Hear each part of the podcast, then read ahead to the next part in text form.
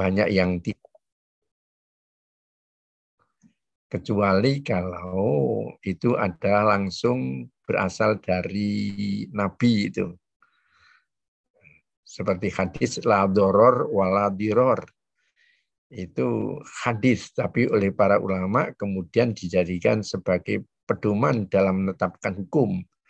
Yaitu kemudian juga dianggap sebagai sebuah kaidah. Jelas itu datangnya dari Nabi.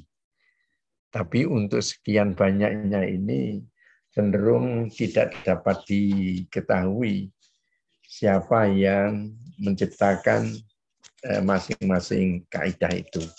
Tapi kalau dilihat, ya, kalau dilihat dari isinya, bahwa kaidah-kaidah itu adalah diistimbatkan dari dalil Al-Quran. Juga kalau kita lihat memang ada eh, dalam kitab Al-Kharaj oleh Imam Abu Yusuf itu diakui itu sebagai sebuah kaidah. Ya, di situ mungkin tidak ada ya saya katakan. Itu bunyi kaidahnya laisa lil imami ayyak ay ya ayyak rujasean min yadi ahadin illa bihaqqin sabitin ma'rufin. Tidak ada hak bagi seorang pemimpin untuk mengambil sesuatu dari tangan rakyat kecuali ada aturan hukum yang telah dikenal. Artinya apa? Artinya bahwa peraturan perundang-undangan itu harus disosialisasikan dulu. Kalau setelah disosialisasikan, rakyat itu sudah tahu atau telah diundangkan paling tidak, peraturan perundang-undangan itu telah diundangkan, maka baru dinyatakan berlaku. Kalau belum diundangkan, maka pihak penguasa tidak boleh menetapkan hukum yang belum diundangkan itu. Ini adalah sebuah kaidah yang ditulis oleh Imam Abu Yusuf dalam kitab Al-Kharaj gitu ya. Ini suatu kaidah ini beliau sebuah surat itu semula dalam sebuah surat yang ditulis kepada Harun Ar-Rasyid yang menyarankan bahwa seorang pemimpin tidak boleh mengambil Hmm, hak-hak rakyat kecuali rakyat itu telah diberikan peraturan perundang-undangannya. Sedangkan yang lain dari mana asalnya kaidah itu tidak ada yang mengetahui atau belum ada yang memberikan informasi kaidah ini siapa yang menciptakannya. Tapi diakui bahwa kaidah ini adalah berasal dari para ulama. Ya, misalnya kita, kita lihat di dalam Al-Asbah wa Nadhairnya itu Al-Asbahir dalam madhab Syafi'i itu ada 37 apa ada 37 kaidah lalu juga dalam Al Asbahir Al Asbah dari madhab Hanafi di sana ada 43 kaidah demikian pula yang lain tapi yang paling banyak adalah dalam kita Al Fiqhul Islami fi Thawbil Jadid Mustafa Ahmad Azharqa Nah, dalam kitabnya Mustafa Azhar pun tidak dijelaskan dari siapa penulis dari masing-masing kaidah ini. Ya, tapi ini kita gunakan sebagai suatu dalil untuk memperkuat hasil dari istimbat hukum yang dilakukan menggunakan kaidah-kaidah usuliyah. Ini merupakan suatu dalil sebagai pelengkap dalil suplemen ya. Nah, dengan kaidah itu dapat dijadikan dalil menguat. Gitu. Jadi dengan kaidah ini kita akan mendapatkan suatu keputusan hukum yang dari keputusan hukum itu eh, dengan kaidah ini kita akan bisa menerapkan kepada suatu peristiwa dan peristiwa itu kemudian akan dapat kita peroleh ketetapan hukumnya. Nah, kemarin sudah kita mencoba untuk membaca beberapa kaidah. Sampai di mana kemarin Mas kita baca? Kemarin belum ada catatannya ya. Mungkin kalau sekarang ada catatannya. Atau perlu saya coba saya share screen kalau ada.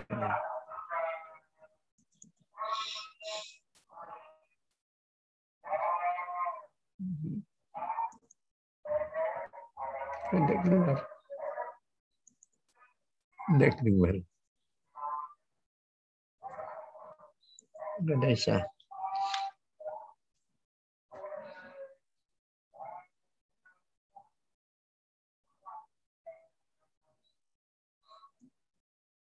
Tidak bisa.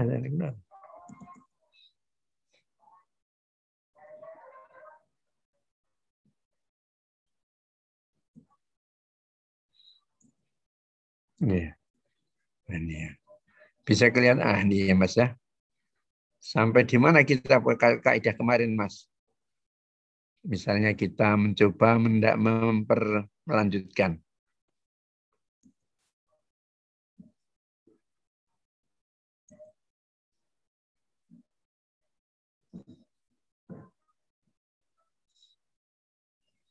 Sampai kaidah yang yang keberapa Mas kita?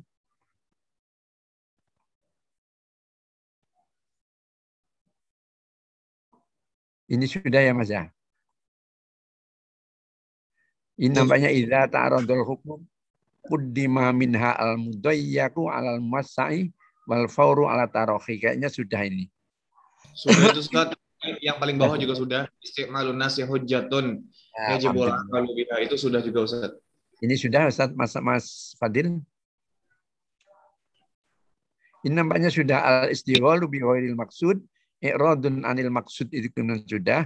Al aslu idhafatul hadis ila aqrabi awqati sudah. Nah, ini.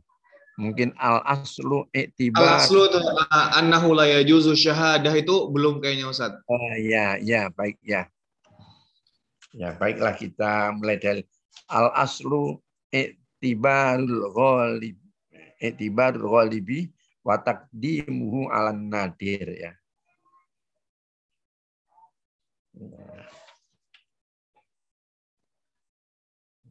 Kita, kita lihat itu.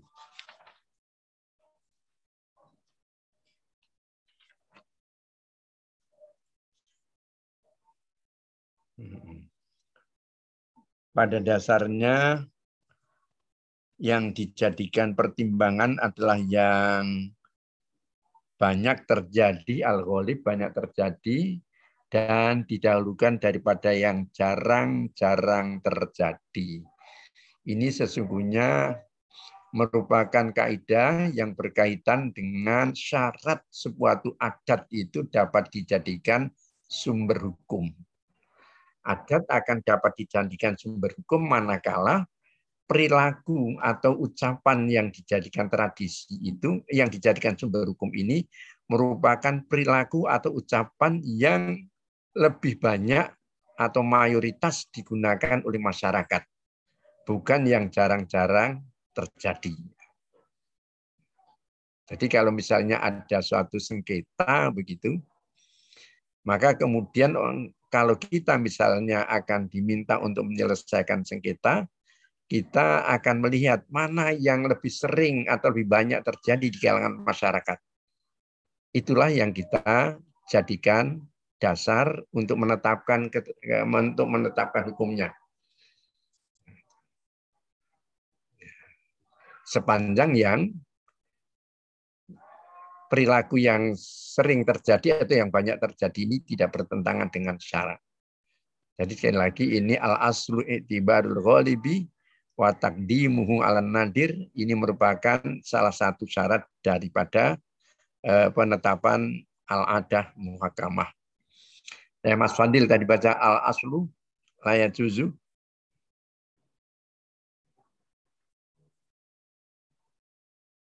Ya, Mas Fadil baca. Bismillahirrahmanirrahim.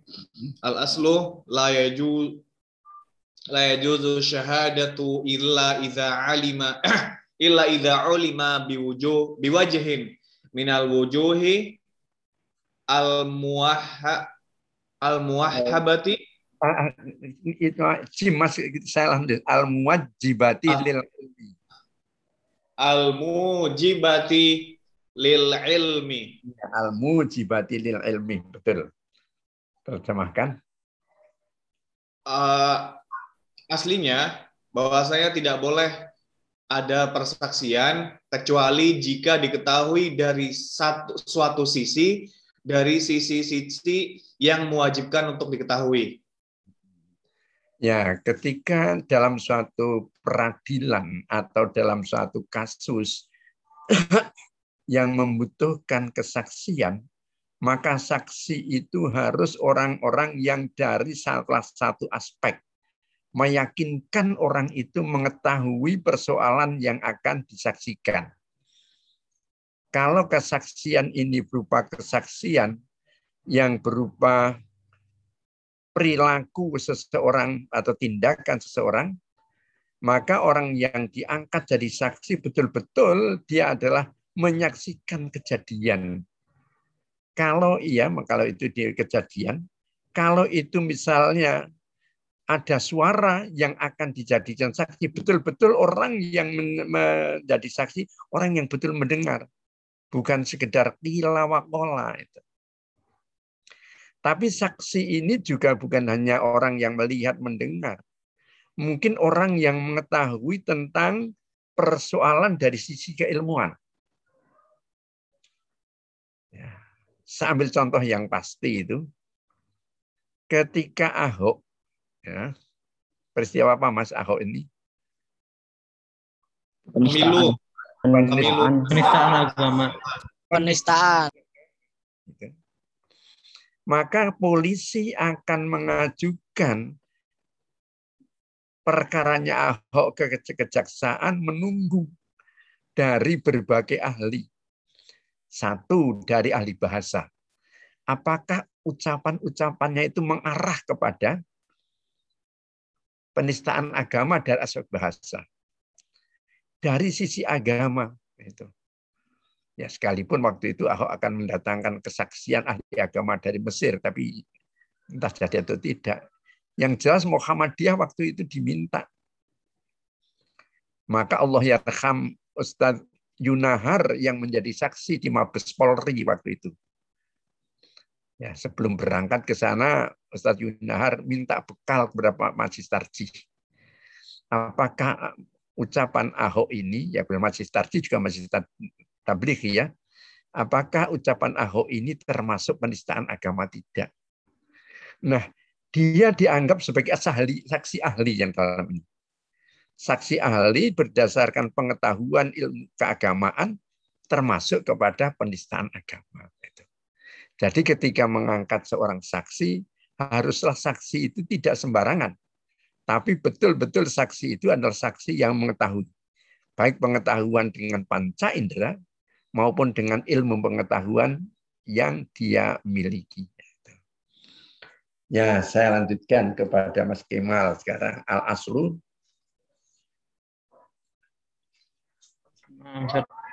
Hmm. Al aslu bakoun makana ala makana. Bakoun, bukan bakoun. Oh. Al aslu bakou makana ala makana. Hmm, artinya asal, asal atau pada dasarnya itu tetap sesuatu yang makana sesuatu yang terdahulu mm-hmm. atau sesuatu yang sekarang ya saja ya sesuatu yang terjadi aslu bakou makana ala makana apa mas pada dasarnya pada dasarnya sesuatu itu sesuatu yang terdahulu itu tetap hmm. atau sesuatu yang uh, terjadi sekarang pada dasarnya sesuatu itu tetap ada sebagaimana keberadaan yang telah ada. Oh ya. Ya, ya kalau misalnya saja ya dalam ibadah sering dicontohkan itu. Ketika seseorang telah berwudu, itu hukumnya adalah suci dari najis. Kemudian datanglah keraguan. Apakah sudah batal atau tidak? Maka ditetapkanlah yang mana? Yang suci atau yang batal? Yang batal. Yang, yang, batal. yang batal. Kok yang batal? Oh, yang suci ya Ustaz, yang suci. Ya, yang keberadaan yang suci itulah yang ditetapkan berlakunya, tetap saja berlaku. Sampai kalau mungkin dia orang ini betul-betul mendapatkan bukti bahwa dia telah batal. Tapi sebelum mendapatkan bukti yang telah membatalkan tetap dianggap suci. Ya. Dalam dunia muamalat misalnya terjadi akad hutang piutang. Gitu. Si berhutang, ya, almudinnya atau debiturnya itu, mengatakan telah lunas. Tapi krediturnya mengatakan belum lunas. Ya. Maka mana yang harus dimenangkan? Debitur mengatakan sudah lunas. Tapi krediturnya si pemberi hutang, ada nya mengatakan belum lunas. Setelah terjadi hutang, apa Mas? Terjadi perjanjian hutang dan telah dibayarkan uang hutangnya. Orang itu memiliki kewajiban untuk membayar hutang enggak? Iya, Iya. Maka dalam hal ini tetap dia katakan dia itu tetap masih berhutang kecuali itu, dia bisa melakukan pembuktian lain.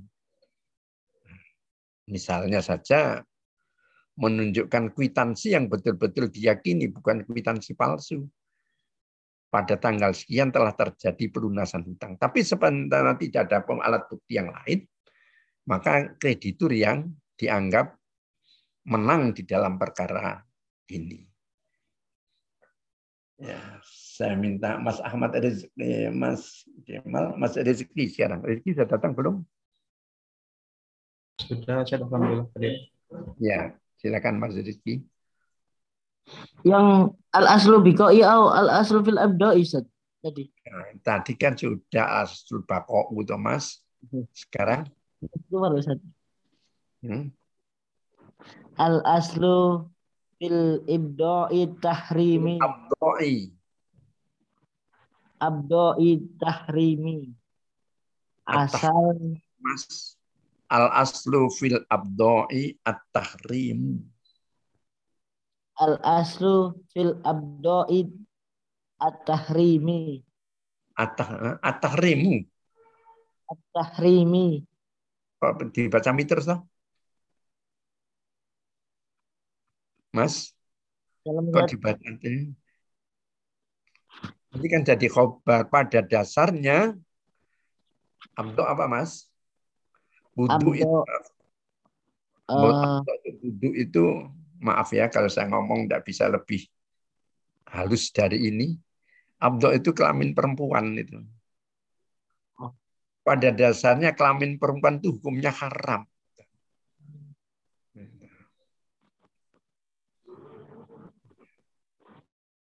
Nah, misalnya saja orang datang suatu perkampungan, di situ ada informasi yang sangat jelas bahwa di kampung ini ada seorang perempuan atau beberapa perempuan yang haram untuk dia nikah. Maka sebelum jelas siapa yang boleh dan siapa yang tidak boleh untuk dinikah, dia tidak boleh untuk menikah dengan orang yang ada di kampung itu sebelum jelas. Tapi kalau sudah jelas mana yang muhrim, mana yang tidak, ya, mana yang haram, mana yang tidak, nah itu baru dia bisa memilih yang tidak diharamkan.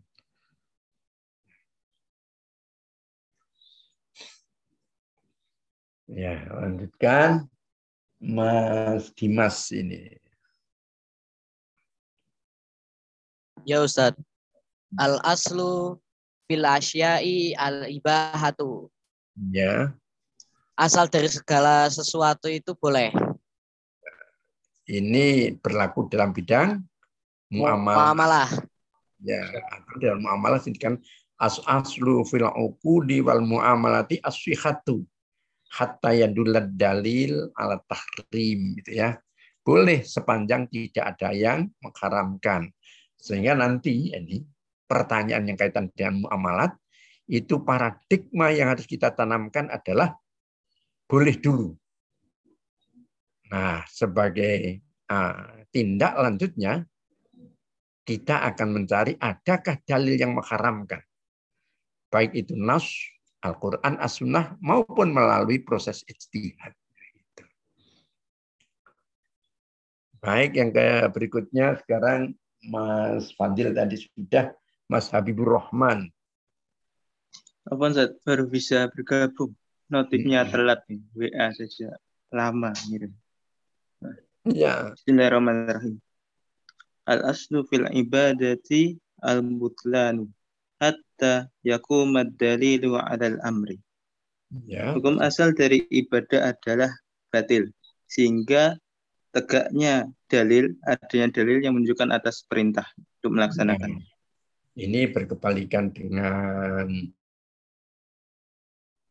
apa kita ketika mendapatkan pertanyaan yang berkaitan ibadah, paradigma yang kita tanamkan adalah mencari perintahnya.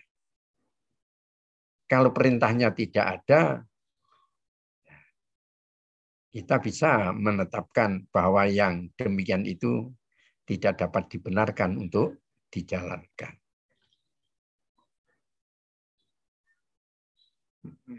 Iya. Ini sudah ya. Iya, teruskan Mas. Ini kepada Mas siapa Mas Isa, Isa Nafi. Al aslu fil akti ayyakuna laziman. Pada dasarnya suatu akad itu adalah berdasarkan pada yang lazim. Lazim itu apa? Pada dasarnya akad itu adalah sah untuk diberlakukan, gitu ya. Jadi kalau ada suatu perjanjian, ada akad, ada perikatan gitu. Kita melihat itu adalah sah untuk diberlakukan kecuali nanti memang ada unsur-unsur yang membatalkannya. Jadi kalau kita nanti menghadapi peristiwa muamalat, pertanyaan-pertanyaan kaitan dengan muamalat, kita dituntut untuk melihat prinsip-prinsip dalam muamalat itu terpenuhi atau tidak. Kemudian lebih menukik lagi kepada masing-masing akad apakah itu al-baik, apakah al-ijaroh, apakah itu al-kafalah dan lain sebagainya. Itu kita dengan sepanjang rukun dan syaratnya ini dapat dipenuhi maka itu sah. Ya, itu ya. Tapi nanti kalau misalnya tidak terpenuhi baru kita akan tidak sah. Nah, ini nanti perlu untuk dipelajari lebih lanjut tentang persyaratan-persyaratannya. Iya, persilahkan selanjutnya Mas Maulan. Kanugrahan Ustaz, belum oh, Mas Kanugrahan. Oh. Mas Kanugrahan sejati dulu, iya betul. Ya Ustaz. Maaf. Al aslu fil aqdi rodiya al muta'a kita ini wan natijatuhu ma iltizam ma iltizamahu bit ta'aqudi. Iya, itu bukan itu Rodi, ma, Ridho. Ridho saja. Ridho. Ridho. Oh, bukan Ridho Rodia. Itu Ridho muta'aqidah ini. Kalau Rodia al muta'aqidah ini kan gitu. Al aslu fil aqdi ridho muta'aqidah ini. Wanati jatuhu ma iltazamahu bitta'aqudi. Ya, terjemahkan asal dari akad itu adalah keridoan dari dua orang yang berakad dan hasilnya sesuatu yang su sudah sudah lazim atau sudah disepakati. Ya. Ini kalau bahasa sekarang namanya yang mereka itu keduanya apa ya? Kompeten nah, kompeten bukan. Iltazamahu itu keduanya bersepakat untuk terjadinya akad. Hasilnya adalah tergantung kepada kesepakatan antara kedua belah pihak yang terdapat di dalam akad itu. Berarti ini istilahnya sudah deal gitu Ustaz?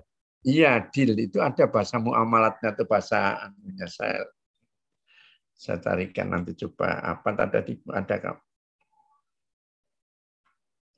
apa ya ada dan nanti istilahnya sudah deal antar kedua belah pihak itu. Jadi dalam akad ini nanti kalau memang kedua pihak itu asas kerelaan. Kita kemarin ketika belajar muamalah juga at-tarodi itu merupakan kedua enggak. Atau kalau dalam hukum perdata ini disebut asas kebebasan berkontrak ya. Asas kebebasan berkontrak kedua belah pihak itu sudah setuju asas. Maka apa yang mereka hasilkan itulah yang harus diikuti. Tidak bisa salah satu pihak kemudian wan prestasi. Wan prestasi itu artinya mang, mangkir atau tidak mengakui terhadap hasil perjanjiannya. Yuk kita lanjutkan sekarang Mas Maulan. Al aslu fil kalami al haqiqah. Ya, teruskan di diterjemahkan.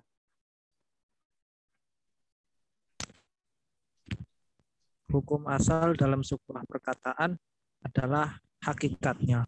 Ya, pengertian yang hakiki. Ya. Kita tahu bahwa dalam bahasa, mas-mas sudah belajar balaghah kan, ada makna majazi, ada makna hakiki. Maka ketika ada satu kasus persoalan yang kita hadapi, mana yang harus kita gunakan? Kita dahulukan makna yang hakiki. Misalnya, ketika ada seorang yang mau berwasiat, berwasiat, saya wasiatkan sebidang tanah ini untuk anak kamu. Maka arti anak ini bisa makna yang hakiki yaitu anak kandung. Kalau dia tidak punya anak, itu bisa juga diartikan ya, anak itu adalah cucu bisa juga. Maka ketika hal ini orang ini punya anak kandung, maka haruslah ini diartikan sebagai anak kandung yang di harus eh, yang yang mendapatkan wasiat. Ya lanjutkan Mas, habis Mas Maulan kepada Mas Miftahul Khair tadi katanya ingin dengar saja. Mas Ridwan. Di Ridwan lampu mati Ustaz, daerahnya. Hmm, aduh kasihan. Sering lampu mati Mas Ridwan. Ya, Mas Rifki sudah hadir? Sudah, Ustaz. Ya, silakan Mas Rifki. Al-itraru la yubat la yubtalu haq haqqul la yubtilu. Al-it al-ittiraru la yubtilu haqqul ghairi. Maf'ul, Mas. Haqqul ghairi. Iya, terjemahkan. Kemudaratan tidak membatalkan hak selainnya. Hmm. kemadorotan atau keterpaksaan itu tidak membatalkan hak orang lain. Gitu. Orang lain. Misalnya ada orang karena sangat kelaparan mencuri padi milik orang lain, padi di sawah itu dicuri. Ya, saya rasa pernah terjadi ya pernah saya lihat ada kejadian. Melihat padi menguning sementara keluarganya menuntut makan itu tidak punya.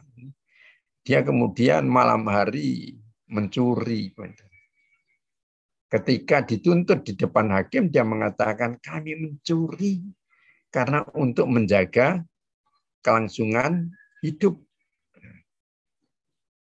Nah, di sini dia tidak dia bisa dilepaskan dari tuntutan hukuman potong tangan misalnya.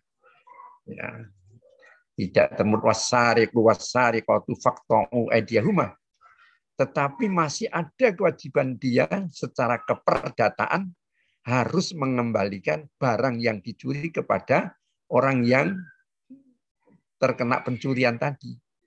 Ya, jadi tidak membatalkan eh, kewajiban untuk mencuri. Ya, sama saja misalnya orang yang terpaksa melakukan eh, suatu tindakan yang merugikan orang lain, maka tindakan yang merugikan orang lain mungkin karena sangat terpaksa, tapi dia masih berkewajiban untuk mengembalikannya. Misalnya contoh yang agak mirip-mirip itu orang mencuri beras milik orang lain karena susah sekali dan dapatkan beras. Kalau tidak mungkin kelaparan dan kelaparan bisa berakibat mati. Misalnya yang dicuri 3 kg, ya 3 kg itu nanti dikembalikan kepada orang yang menjadi korban pencurian. Ya, silakan lanjutkan sekarang kepada Mas Kemal lagi. Mas Ikmalul kalami aula min ihmalihi. Eh, perbuatan ucapan ya saya perbuatan ucapan itu lebih utama dari ihmalihi itu menyia-nyiakan atau mengabaikannya. Mengabaikannya. Yes. Ini hampir kebalikan dan hakikoh tadi ya.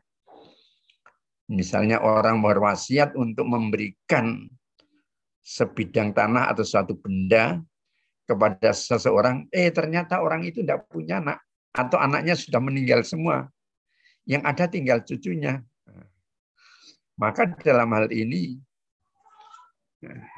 ucapannya itu masih bisa digunakan daripada mengabaikan ya sudahlah karena tidak ada anak maka diberikan kepada cucunya. Terus ini kaidah yang sangat umum kepada Mas Rezeki. Al-amru idza daqat tasiu. Ah, kok begitu Thomas? al-amru tidak doko menjadi luas. Ittasa'a. Ittasa'a. Ya, terjemahkan. Eh, perintah apabila sempit menjadi luas. Ya, persoalan itu juga mengalami kesempitan, maka menjadi luas atau dapat diperluas. Contohnya apa, Mas? uh, contohnya terima kasih mm-hmm. Ya ya coba ini saya rasa dalam ayat-ayat Al-Quran banyak yang memberikan contoh seperti ini.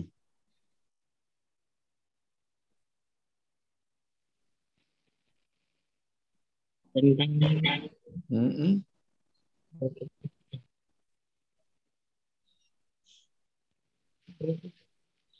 Karena ada kesukaran, maka kemudian diperluas.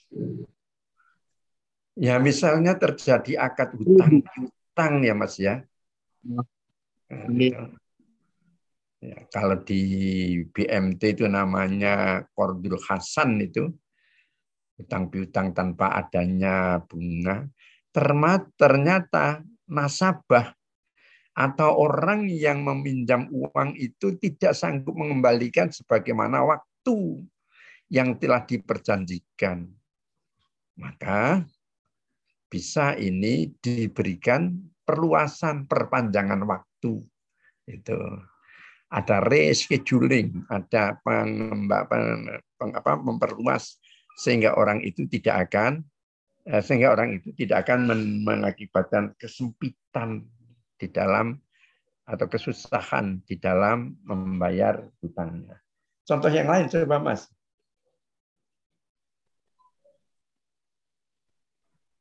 Uh, ya itu Zat. Cari air wudhu. Apa Mas? Cari air wudhu. Iya. Ketika tidak ada air wudhu maka agak diperlu eh, masakoh itu ya. Ada masakoh itu kata kalau itu ya, kalau itu masakoh ya kesulitan maka dicarikan yang lebih ringan kalau itu. Al masakoh tajlibut taisir kalau itu ya. Kalau air wudhu itu al masakoh adanya kesulitan maka kemudian dicari yang lebih mudah. Kalau ini lebih cenderung kepada yang muasak untuk lebih diperluas. Eh, kita lanjutkan tadi dari Mas ini kepada Dimas. Ya. Al-amru bitasarrufi fi malakil khairi batil fil khairi fi milkil khairi batilun. Perintah untuk mentasarufkan atau melakukan tindakan hukum itu terhadap benda benda yang lain batilun batil. Ya. Perintah untuk mentransaksikan benda milik orang lain hukumnya batal. Bukan miliknya sendiri tapi disuruh menjual. Ada nggak kira-kira kasus seperti itu? Banyak, Sudah, Ustaz, banyak. Contohnya apa Mas katanya? Uh, reseller, Ustaz reseller penjual ya yang menjualkan barang orang lain. Mm -hmm. Terus? Agen. Agen ya. Nah, milik orang lain. Tapi kalau agen itu milik orang lain adalah sebagai seorang tajir, yaitu seorang ajir itu pemburu. Ya, Dia itu. menjualkan tapi nanti dikembalikan miliknya dan kemudian nanti diberi upah. Kalau kasus ini memang itu adalah mendaku barang itu sebagai miliknya yang sesungguhnya bukan miliknya. Lalu orang lain untuk menjualkannya. Jadi ini seperti melempar batu sembunyi tangan. Itu tidak dapat dibenarkan itu. Memerintahkan orang-orang lain untuk menjual bukan bendanya, bukan miliknya, itu perjanjian atau akad yang seperti itu tidak dapat dibenarkan. Yuk kita lanjutkan, Mas.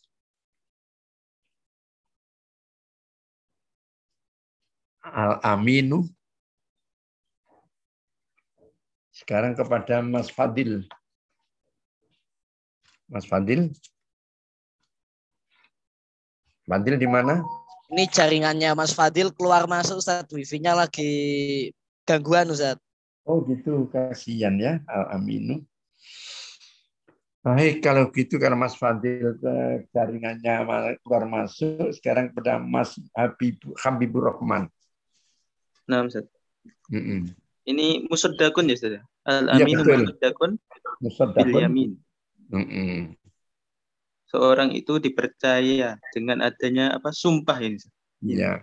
Orang yang dipercaya itu dibenarkan dengan adanya sumpah. sumpah. Nah, ini berlaku di pengadilan-pengadilan itu kan. Orang yang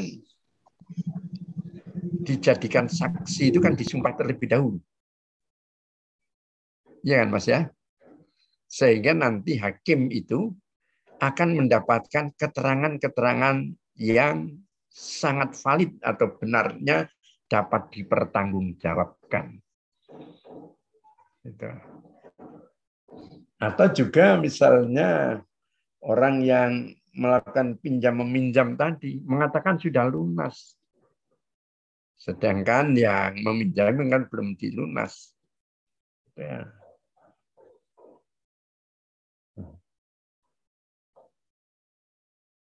Orang eh, maaf orang yang meminjamkan hutang ya pinjam meminjam barang orang meminjam barang yang meminjam katanya sudah mengembalikan tapi yang yang apa yang meminjamkan mengatakan belum dikembalikan. Ini dapat diterima perkataan orang yang meminjam kalau dia mau disumpah itu dapat dipercaya. Ya, gitu. Tapi kalau dia tidak mau bersumpah, tetap seperti kaidah tadi itu bahwa eh, al baqau makana ala makana ya tetap berlaku bahwa itu belum mengembalikan. Baru akan bisa diterima kalau ada alat bukti lain. Satu di antara alat bukti itu adalah sumpah. Ya. Kita lanjutkan kepada tadi Mas Isa Anafi.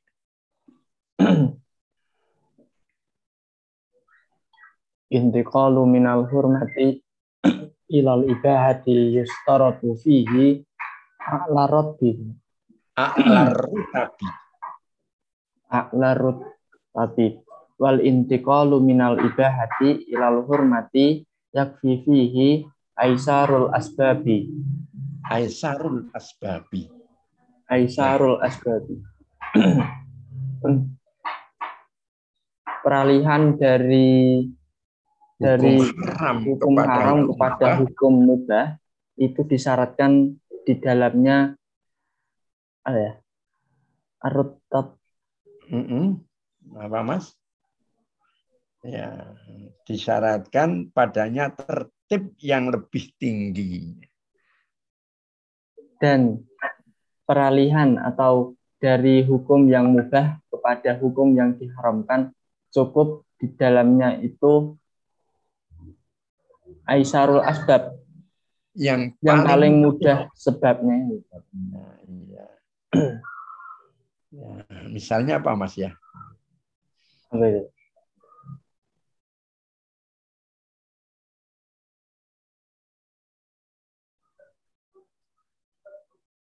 Mm-hmm.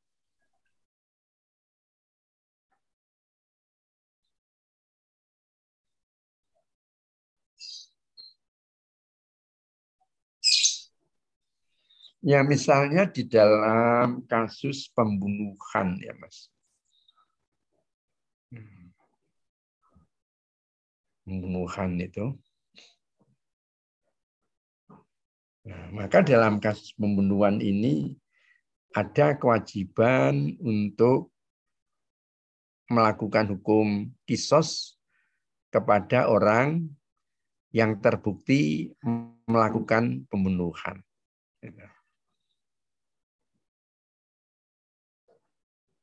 Ya.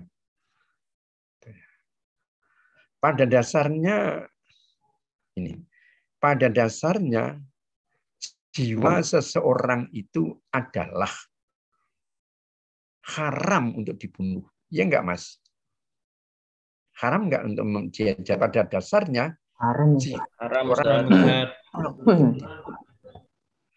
Tapi ya, tapi kemudian haram ini. Dia boleh untuk dibunuh. Karena melakukan tindakan hukum membunuh orang lain. Untuk bisa melakukan pembuktian bahwa dia melakukan pembunuhan dengan sengaja, itu tidak mudah. Harus mendapatkan alat-alat bukti yang sangat kuat setelah betul-betul alat bukti yang sangat kuat, betul-betul meyakinkan hakim, baru dia boleh mubah untuk dibunuh. Sehingga kalau kita lihat baik di Indonesia maupun di negeri Arab sendiri, di Saudi Arabia maksud saya, kalau orang terlibat dalam pembunuhan itu tidak sekaligus hakim menjatuhkan hukuman menjadi mati. Sangat lama bertahun-tahun. Bisa kemudian baru dijatuhkan hukuman mati dan itu pun untuk sampai saat eksekusinya masih jaksa masih menunggu-nunggu. Jangan-jangan nanti ada novum atau alat bukti baru. Karena kalau sudah terlanjur terbunuh, dan ternyata bukan yang dibunuh, gimana mas? Bisakah nyawa dikembalikan? Tidak. Maka dari hukum yang semulanya orang itu haram untuk dibunuh menjadi halal darahnya karena melakukan pembunuhan, itu melakukan, memerlukan persyaratan atau melakukan tertib urut-urutan untuk menjadi alat bukti yang kuat. Tapi kalau dari hukum mubah kepada hukum haram, itu lebih mudah. Tadi orang yang sudah dinyatakan mubah sah untuk dinyatakan dibunuh. Sekarang menjadi orang yang haram untuk dibunuh. Mudah. Keluarganya cukup mengatakan, saya memberikan maaf kepada si terbunuh, eh, kepada orang yang membunuh atau orang yang pelakunya. Nah, itu. Kan dalam hukum Islam kan begitu juga. ada beberapa bahkan mungkin banyak orang Indonesia yang menjadi TKI terkena ancaman hukuman mati kemudian negosiasi antara duta besar atau Kementerian Luar Negeri dengan pemerintah Saudi sehingga orang itu bisa dibebaskan dari hukuman mati. Sebenarnya boleh dihukum mati. Nah, tapi setelah negosiasi orang dari pihak keluarga itu mengizinkan atau memberikan apa memberikan ampunan mudah saja berikan ampun selesai nggak jadi dihukum mati. Nah, gitu ya, Mas. Eh, ya, langsung kan ini tadi sampai kepada Mas Isa ya. Ya, Ustaz. Sekarang kau nawaskan gerakan. Nah, Ustaz. Al-infaqu bi amril qadi kal infaqi bi amril maliki. Iya. Infak ini diartikan membelanjakan, Ustaz. Betul. membelanjakan atas perintah hakim atau kodi seperti membelanjakan oleh seorang pemimpin atas atas perintah seorang pemimpin. Pemilik, Mas. Oh, pemilik ya, pemilik, Ustaz.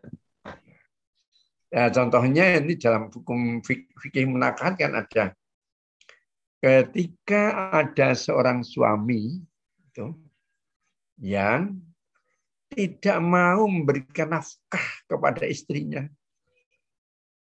Atau mungkin kasusnya telah terjadi perceraian.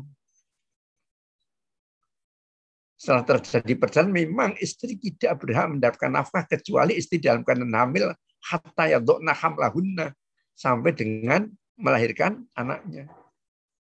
Atau kalau misalnya itu yang terjadi atau kasusnya itu tidak dalam hamil, tapi masih punya anak-anak yang kecil. Maka anak-anak itu wajib menjadikan kewajiban suami. Nah, ternyata yang diputuskan hakim itu tidak dipenuhi.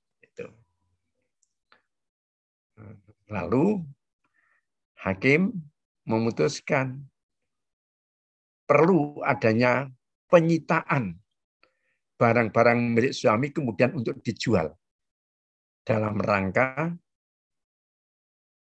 menghidupi anak-anak dari sang suami. Maka penyitaan benda milik suami dan menjualnya atas perintah hakim ini sah-sah saja. Sebagaimana sahnya ketika itu diperintahkan oleh sang suami itu sendiri. Barangkali kita masih ingat dalam munakat hadis Hindun dulu Mas ya. Siapa masih ingat hadis Hindun? Hindun yang oleh suaminya yang pelit itu loh Mas, masih ingat? Mengatakan suamiku ini pelit, lalu mendarat Rasulullah. Bagaimana Rasulullah kalau saya mengambil harta miliknya tanpa pengetahuan? Rasulullah menjawab, ambillah untuk keperluan anakmu dan untuk kamu sendiri. Maka sang suami tidak bisa kemudian mengatakan sang istri mencuri. Ini perintah Rasulullah. Ya waktu itu Rasulullah sebagai eksekutif dan juga legislatif dan yudikatif sekaligus perintah hakim. Oke, kita lanjutkan. Sekarang setelah Mas Kanugurahan, Mas Maulan. Bisa Mas Maulan? Bisa Ustaz. Oh, Mas Maulan, saya.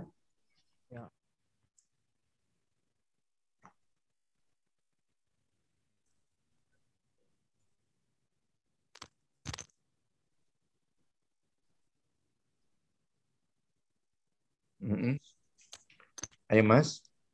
Innama tu'tabarul adatu tidak itaradat au khulabat. Mm -hmm. sesungguhnya hanya adat dipertimbangkan itu Ustaz. Dipertimbangkan sebagai adat apabila berlaku secara terus-menerus atau berlaku pada mayoritas itu.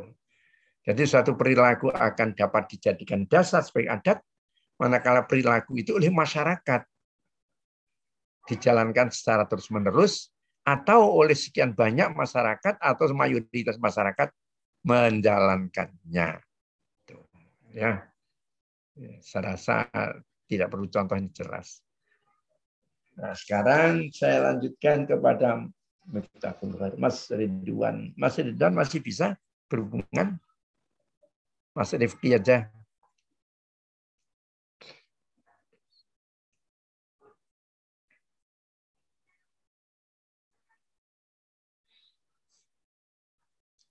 Silakan Mas Rifki.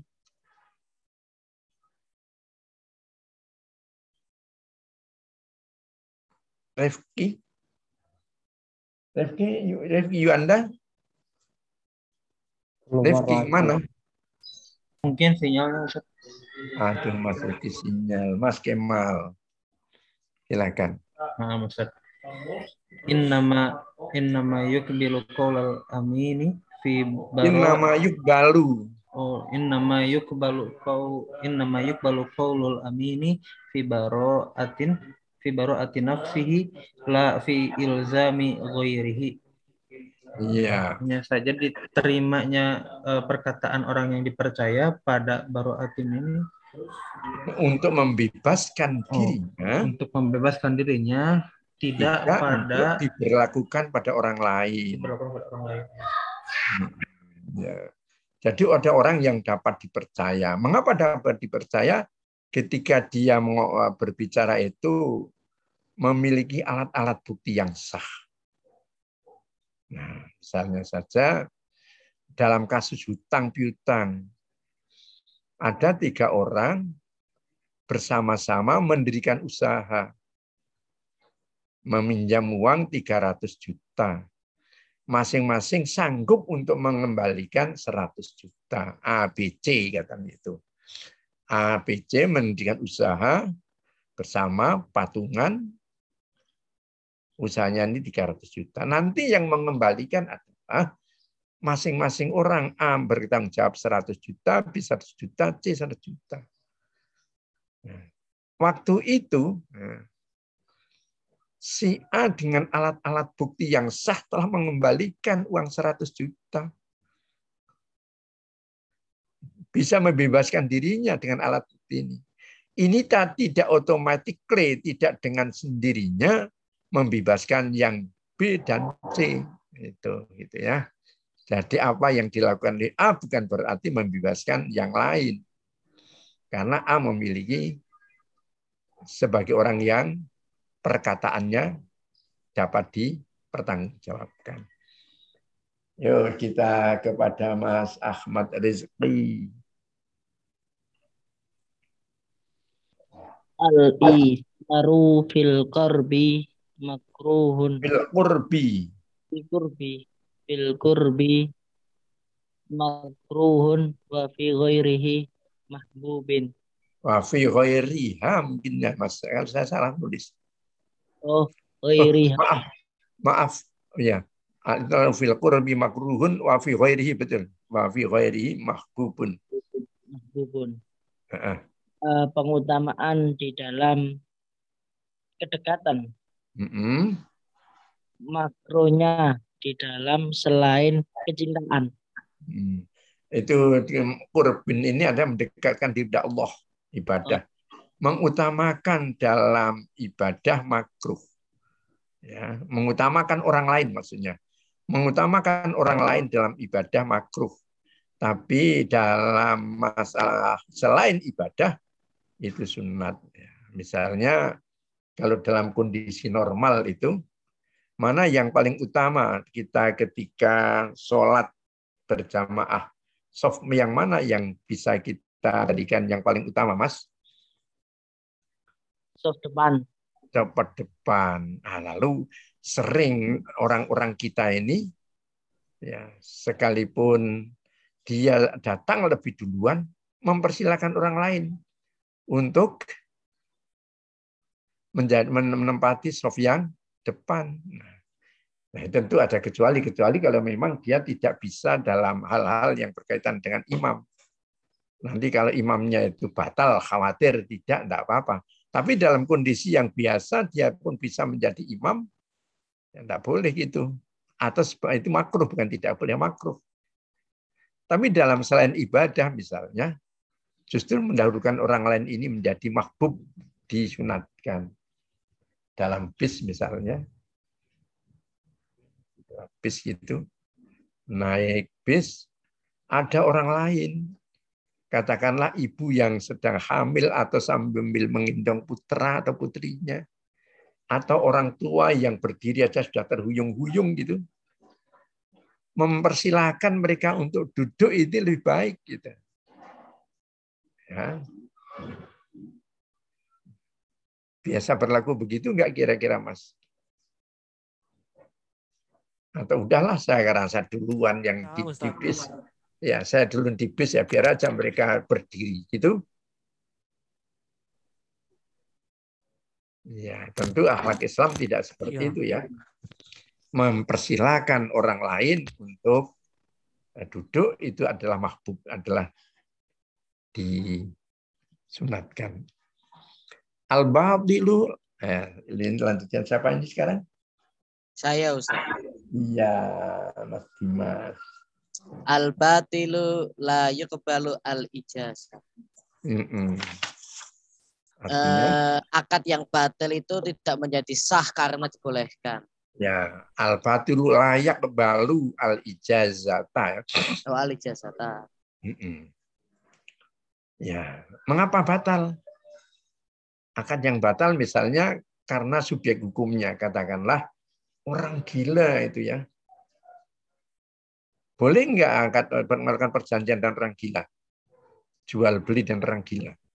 Nggak boleh Ustaz. Nggak boleh. Nah, kepada suatu ketika orang gilanya disembuh. Lalu ya boleh misalnya ya dibelilah sebuah rumah atau sebuah barang aroji lah tidak aroji dari orang gila di jual belinya batal itu. Tapi kemudian setelah dia sembuh eh, dulu ketika kamu masih gila itu saya beli harganya dua puluh ribu. Bagaimana? Boleh nggak sekarang? Tetap yang batal yang batal. Kalau karena ketika itu batal itu dia tidak punya blank pikirannya sama sekali tidak ada. Jadi tidak boleh kemudian sekalipun yang gila mengatakan boleh, itu tidak dapat dibenarkan. Harus melakukan akad perjanjian yang baru. Itu. Jadi kalau akan terjadi perjanjiannya harus perjanjian yang baru. Ya sekarang lanjutkan dulu Mas Habibur Rahman. Nah, Ustaz. Al al-baqa'u ashalu minal ibtida'. Iya. Sesuatu itu lebih mudah daripada memulai. Iya, ini ya memang iya Mas ya. Kalau Masnya mau mendirikan perusahaan apa saja, menyediakan lahan, ya, meminta izin kepada tetangga kanan kiri, mengajukan izin perusahaan ke pemerintah, harus melengkapi pajak-pajaknya semuanya, baru izin. Tapi kalau sudah jadi itu, ya, nah, al itu melangsungkan keberadaannya itu lebih mudah. Melanggengkan karena semua sudah ada. Ya, kita lanjutkan sedikit lagi sampai terakhir itu. Al-Bayyinatu kita kepada Mas Isa. Ya, Al-Bayyinatu hujjatun muta'adiyatun wal ikraru hujjatun qasiratun. Iya. Adapun kesaksian atau bukti ya. Kesaksian merupakan alat bukti ya Mas. Alat bukti. Alat bukti merupakan hujah yang mengenai oh ya, mesti membutuhkan hmm. orang lain gitu kan. iya betul. Dan adapun pengakuan itu adalah hujah itu bagi si pemberi pengakuan itu sendiri. Iya, benar itu ya. Misalnya ada kasus korupsi. Alat buktinya adalah eh, misalnya alat buktinya ditemukan tentang eh, penyerahan uang itu dari si A ke si B, dari si B ke si C. Katakanlah kasusnya Joko Chandra, Joko Chandra Mas ya. Joko Chandra melakukan penyuapan. Tapi alat buktinya menyangkut jaksa Pinangki, menyangkut jaksa eh, Jenderal Napoleon dan satu lagi Jenderal Joko atau siapa itu. Nah karena itu ada bukti-buktinya, mereka kena semua. Kasusnya Menteri Sosial, bukan hanya Menteri Sosial, tapi orang-orang di sekitar itu kena semua. Tapi kalau pengakuan, itu hanya mengatakan diri sendiri, tidak bisa menyangkut orang lain. Nah, misalnya dalam kasus eh, pencurian, saya betul mengakui pencurian. Dengan siapa? Oh dengan si ini, si ini. Tapi si itu, si ini tidak bisa langsung untuk dihukum. Kecuali nanti ada alat bukti yang lain. Tapi kalau pengakuan dia hanya terbatas pada dirinya saja. Ya kita lanjutkan kepada kami gerahan. Nah, Ustaz. Al-bayyinatu 'alal mudda'i wal yaminu 'ala man ankara. Uh, alat bukti itu bagi yang terdakwa, sedangkan sumpah itu bagi orang yang mengingkari. Jadi kalau alat bukti al mudai alat bukti itu dibebankan kepada yang menuduh. Sedangkan sumpah dibebankan kepada orang yang mengingkari atau tertuduh. Sehingga dengan wal yamnu ala al mudda'a alaihi sini gitu. Al yamin al bayyinatu alal mudda'i wal yaminu alal mudda'a alaihi. Jadi kalau jaksa atau KPK itu menuduh orang berbuat korupsi harus memiliki alat-alat bukti yang sah sehingga dia akan dapat dijerat dengan pasal-pasal korupsi.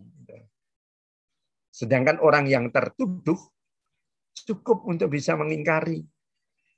Ya, emang dapat mengingkari dengan bersumpah. Kalau nanti misalnya tuduhan-tuduhan alat-alat bukti yang diajukan oleh jaksa itu tidak nah, tidak relevan atau tidak bisa diterima dalam persidangan, maka cukup bagi orang yang dituduh itu mengatakan saya bersumpah tidak melakukan. Ini kecuali ya, ya. Ini adalah kalau dalam hukum pidana begitu hukum acara pidana orang yang menuduh wajib mendatangkan alat-alat buktinya. Polisi misalnya juga ketika menuduh seseorang itu harus mengumpulkan alat bukti. Kalau tidak bisa mengumpulkan alat bukti, nanti diminta kepada si tertuduh untuk membela dengan melakukan sumpah. Kasus apa yang sekarang sedang ngetop, Mas? Muhammad Kece. Sudah baca, Mas? Ya, Kasus itu Muhammad Kece agak sembrono itu. Bukan ada sembrono, kurang ajar ya. Iya. Assalamualaikum, amin. Atau ah, itu ya? nyangkut Yesus, Yesus barang itu tadi. Eh, Assalamualaikum Yesus. Uh, warahmatu Yesus itu. Wabarakatuh itu. Alhamdulillah dari Alhamdulillah Yesus kan itu. Itu bukan hanya sembrono, itu kurang ajar itu. Nah, sekarang polisi itu dari 400 alat buktinya itu sudah mendapatkan 20 alat bukti. Dalam hukum pidana cukup dua alat bukti sudah cukup. Tapi polisi sudah mengumpulkan 20 alat bukti dari 400 alat bukti yang sedang diselidiki. Polisi. Kalau alat bukti ini tidak ada, KC bisa mengatakan, saya bersumpah tidak melakukan. Ya, kita tambah lagi. Al-bayyinatu sekarang kepada Firqoni. Rifki ada Rifki. Ada juga. Ma Kemal. Nah, Ustaz. Al-bayin al-bayyinatu li isbatil khilafi adz-dzahiri wal yaminul ibqa'il asli at-tabi'i. Oh, enggak, tabi-tabiun selain sendiri wal yaminu oh, oh. li'ibqa'il oh. asli. Ibqa'il asli. Nah, bentar. Uh, alat bukti itu untuk menetapkan uh, apa perbedaan yang jelas dan sumpah itu untuk menetapkan uh, asalnya. Keadaan asal. Jadi keadaan asal. penjahat biasanya mengakui nggak ketika di dalam sidang pengadilan? Tidak. Seperti menteri korupsi, seperti yang korupsi kemarin itu. Hmm. Dia menyangkal melakukan semua yang dituduhkan oleh KPK. Tapi KPK punya alat-alat bukti. Itu alat-alat bukti untuk menetapkan yang berbeda dengan yang diperlihatkan. Itu. Nah, kalau memang yang alat-alat alat bukti tidak ada, cukup bagi si tertuduh untuk bersumpah bahwa itu adalah keadaannya seperti semula, tidak ada uh, tuduhan. Kemudian yang berikutnya, Mas Ahmad Rizki. Rizki. Namun, Ustaz. Ya, baca. Uh, yang al-infak, Ustaz. Aduh. Kamu ke mana, Mas? Ini kan sudah nanti, Ustaz. Dimas, eh, Dimas, baca. Belum diganti. Slide-nya belum diganti, Ustaz. Oh, iya. Apa Ustaz saya juga ada, baru... ini kan belum dibaca. Belum kan? Yang terakhir. Belum, Ustaz. Nah, itu belum dibaca.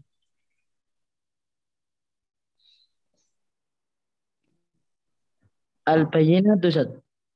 Sudah yang bawahnya, Mas. Bisa enggak ada, Ustaz. Apa iya?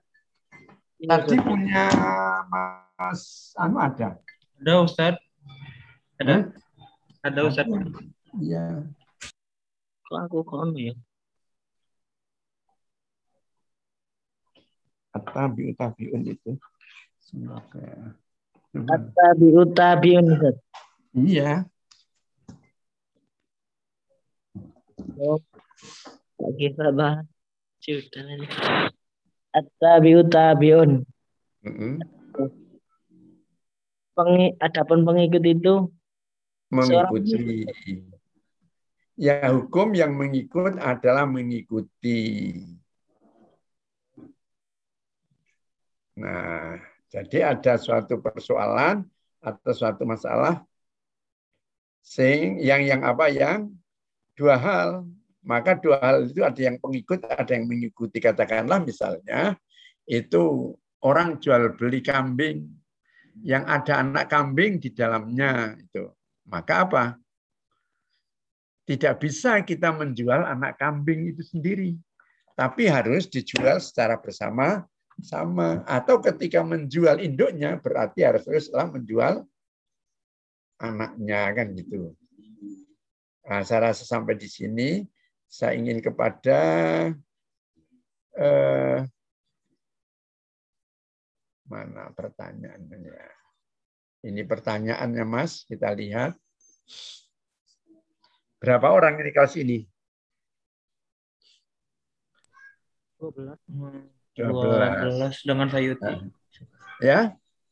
12 dengan Sayuti. 12 dengan Mas Sayuti? Ya, Atau 13? 12 Ustaz Mas Yang tidak ada siapa?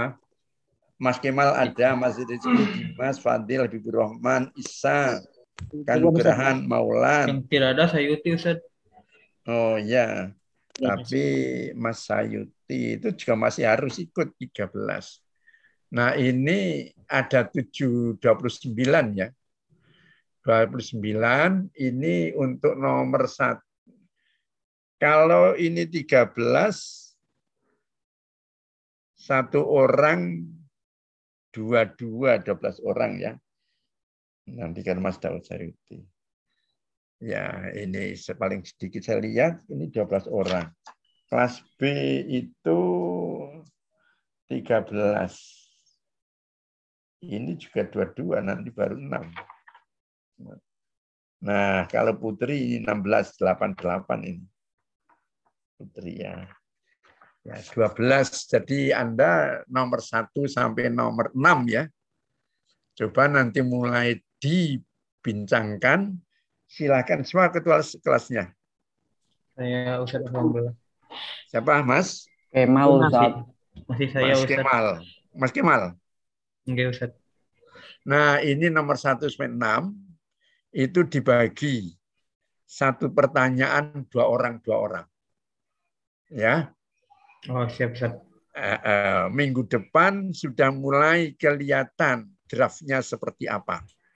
Oh siap Ustaz. Ya. Sampai 6 ya Ustaz ya? Satu nomor 6 jadi satu soal untuk dua orang.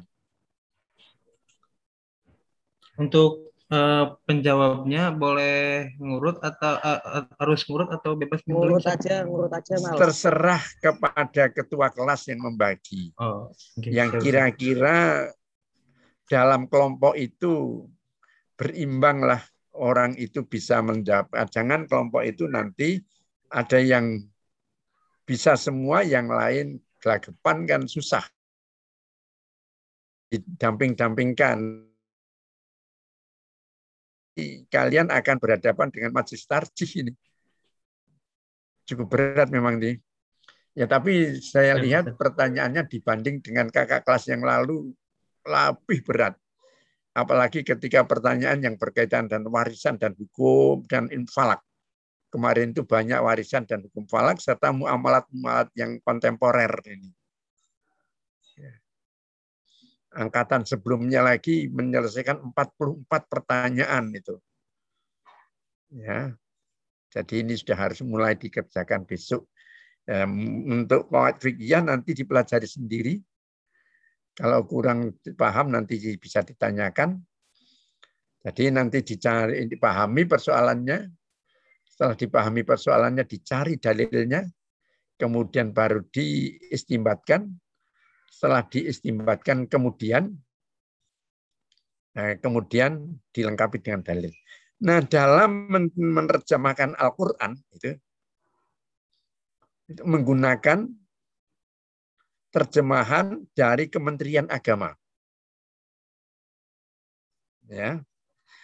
Dalam mengutip hadis diambil sahabat yang pertama dan sah dan perawi yang terakhir.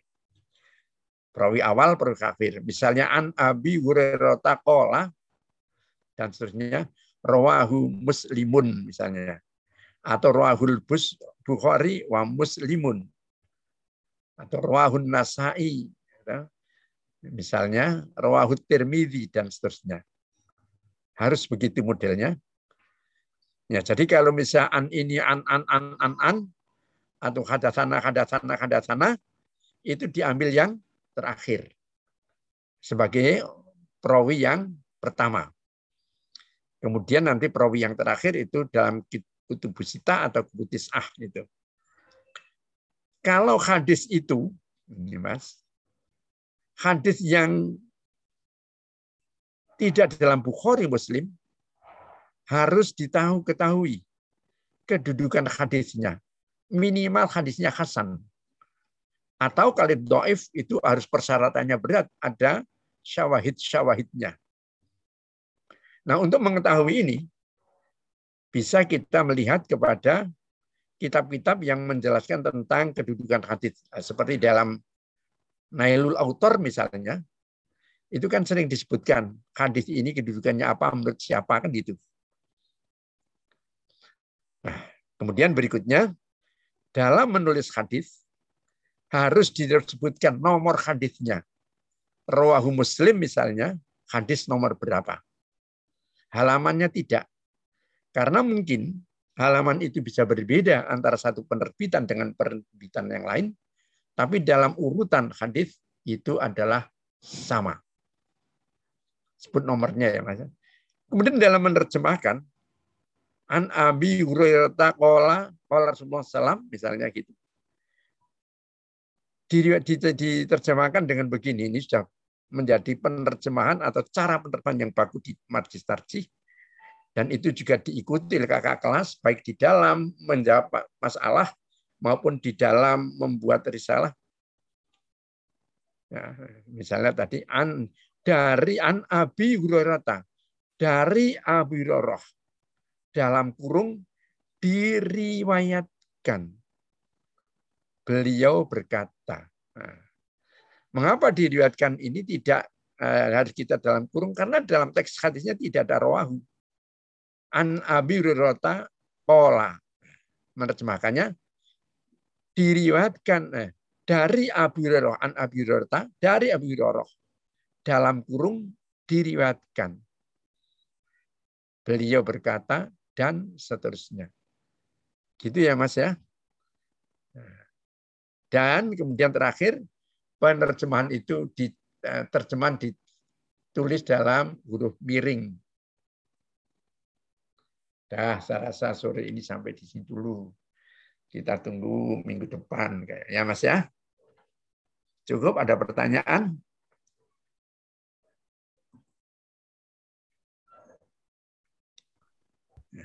Ini akan berhadapan. Dua orang dua orang nanti berhadapan dengan. Yang mungkin dalam sidang itu tiga persoalan. Nah, tiga persoalan berarti nanti satu persoalan itu dihadapi dua orang. Kalau dulu malah ketika kelasnya belum banyak satu orang satu masalah. Seperti ini angkatannya Ustadz Endi Ustadz siapa Rohman Syah itu satu orang satu pertanyaan. Memang harusnya begitu itu ya Mas ya. Selamat bekerja, semua selalu mendapatkan pertolongan Allah dan mendapatkan keselamatan dan kesehatan ya Mas ya. Amin amin ya robbal alamin. Ini Maulan kalau berkuliah tidak boleh pakai tidak pakai peci kamu ke mana peci kamu? Ini Ustadz tadi anu tiba-tiba ada keperluan. Tidak boleh ada, mungkin tidak ada alasan kayak begitu tuh ya. Yang kemarin nah, tanda ada alasan ini baru kondangan manten. Saya anggap saya coret. Tidak termasuk tidak kuliah itu. Ya, sampai di sini kira-kira dan alhamdulillah. Alhamdulillah. Alhamdulillah. Assalamualaikum warahmatullahi alamin. Waalaikumsalam warahmatullahi wabarakatuh. Jazakumullah khairan. Jazakallah khairan. Jazakallah khairan. Oh gak ngomong mas. Ayo bagi bagi bagi. Yo Gemal yo. Jangan nurut absen. Satu satu dua tiga empat. Satu dua pertanyaan pertama, tiga empat pertanyaan kedua, lima enam pertanyaan ketiga, tujuh delapan. Pelan pelan Jin. Kesusunan. Jangan urut absen ntar dulu. Jangan dulu. Ya, Pak Gimal. Antum bagian Dimas, Dimas, bacot Dimas. Ya tak bagi. Baca tuh bagi tak bagi awak mau Oh. Udahlah, iya iya iya. Kemal dulu.